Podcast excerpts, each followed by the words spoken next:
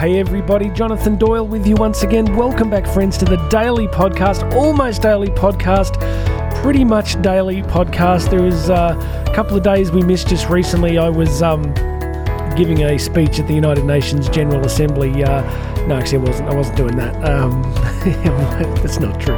I, uh, I do apologise. I was just uh, taking care of so many exciting things going on. But uh, back in the saddle today, hoping to bless you with a little bit of encouragement, uh, really useful insight coming at you today. Please make sure you've subscribed. Hit that great big whacking subscribe button on your podcast app.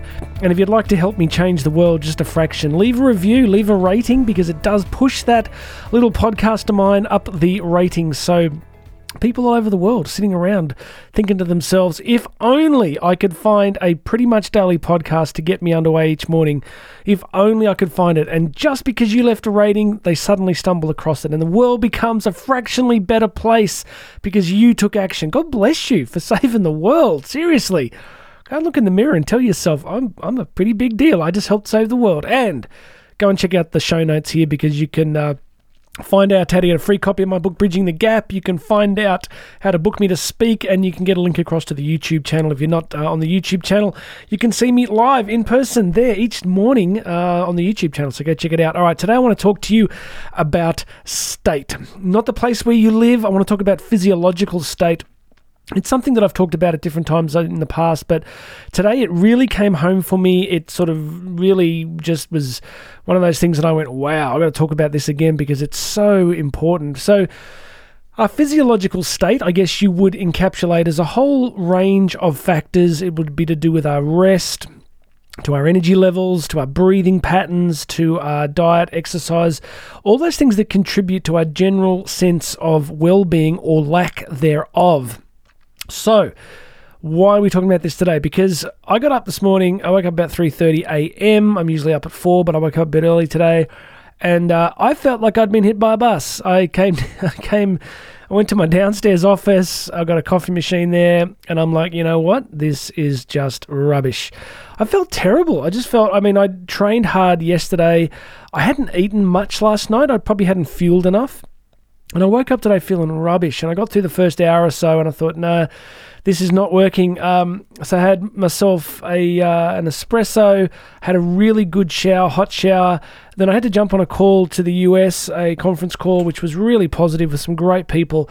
And suddenly I found myself feeling really different, radically different. I noticed that my physiology had really shifted. So I'd obviously I'd had a coffee, I'd had a shower, I'd had a positive interaction, my breathing patterns were different, and there was this sense of energy and optimism that had been completely lacking an hour before. And what it did was bring home to me the crucial importance of the state that we are in at any given time. And I want to talk about some nuance here because what happens when we are in low physiological states is that our brain runs at a pretty low ebb and it will serve up to us all sorts of really unhelpful stuff. You know, when you're feeling really low energy and you're not feeling well, or you didn't sleep properly, or you're just, you're in that, you know, that blah state. You know, that is not the place where you have profound breakthroughs about important relationships or business ideas or career ideas or you know we, we get we just get stuck in this kind of swamp of feeling really low and then I noticed that when I changed that physiology, and you see, I literally did change it. It was practical things. It was the coffee, it was the shower, it was the conversation. It was uh, then coming into the studio, jumping in front of the cameras here, which you can see on the YouTube link, and just feeling so different. And all of a sudden, you can see it in the video, like you, just my energy so different. So this is not a profoundly radical message here. If you're listening to me going, so what are you saying to us? You're just saying that we got to you know, try and get ourselves in a good state regularly? Yeah, like absolutely. We don't pay enough attention to it.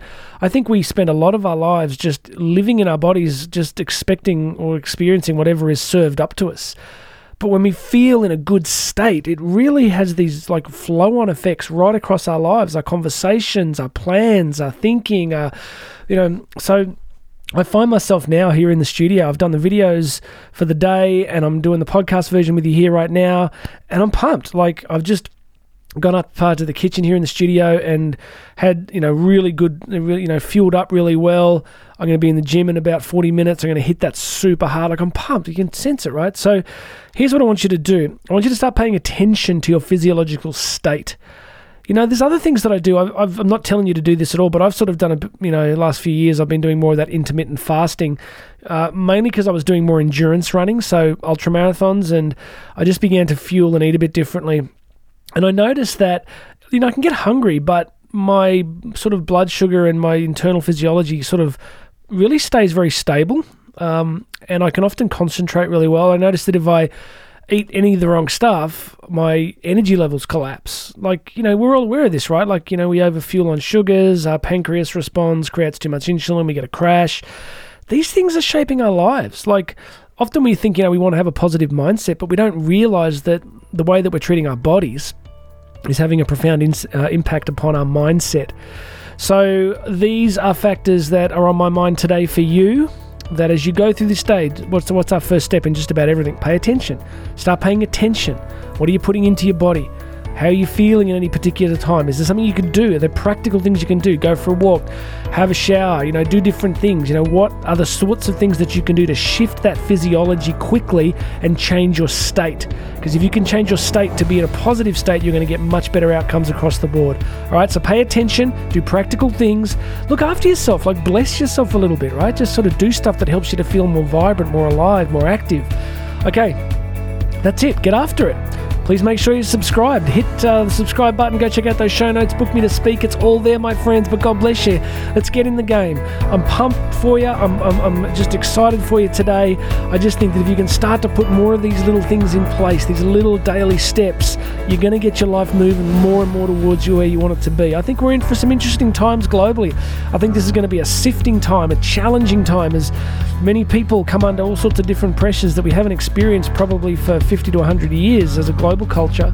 So we want to be in optimum states, right? We want to be in good, positive places in ourselves. We want to be ready for action. We want to be ready for contribution. And one of the dominant ways we do that is by getting ourselves in good states. God bless you, everybody. My name is Jonathan Doyle. This has been the Daily Podcast. You and I are going to talk again tomorrow.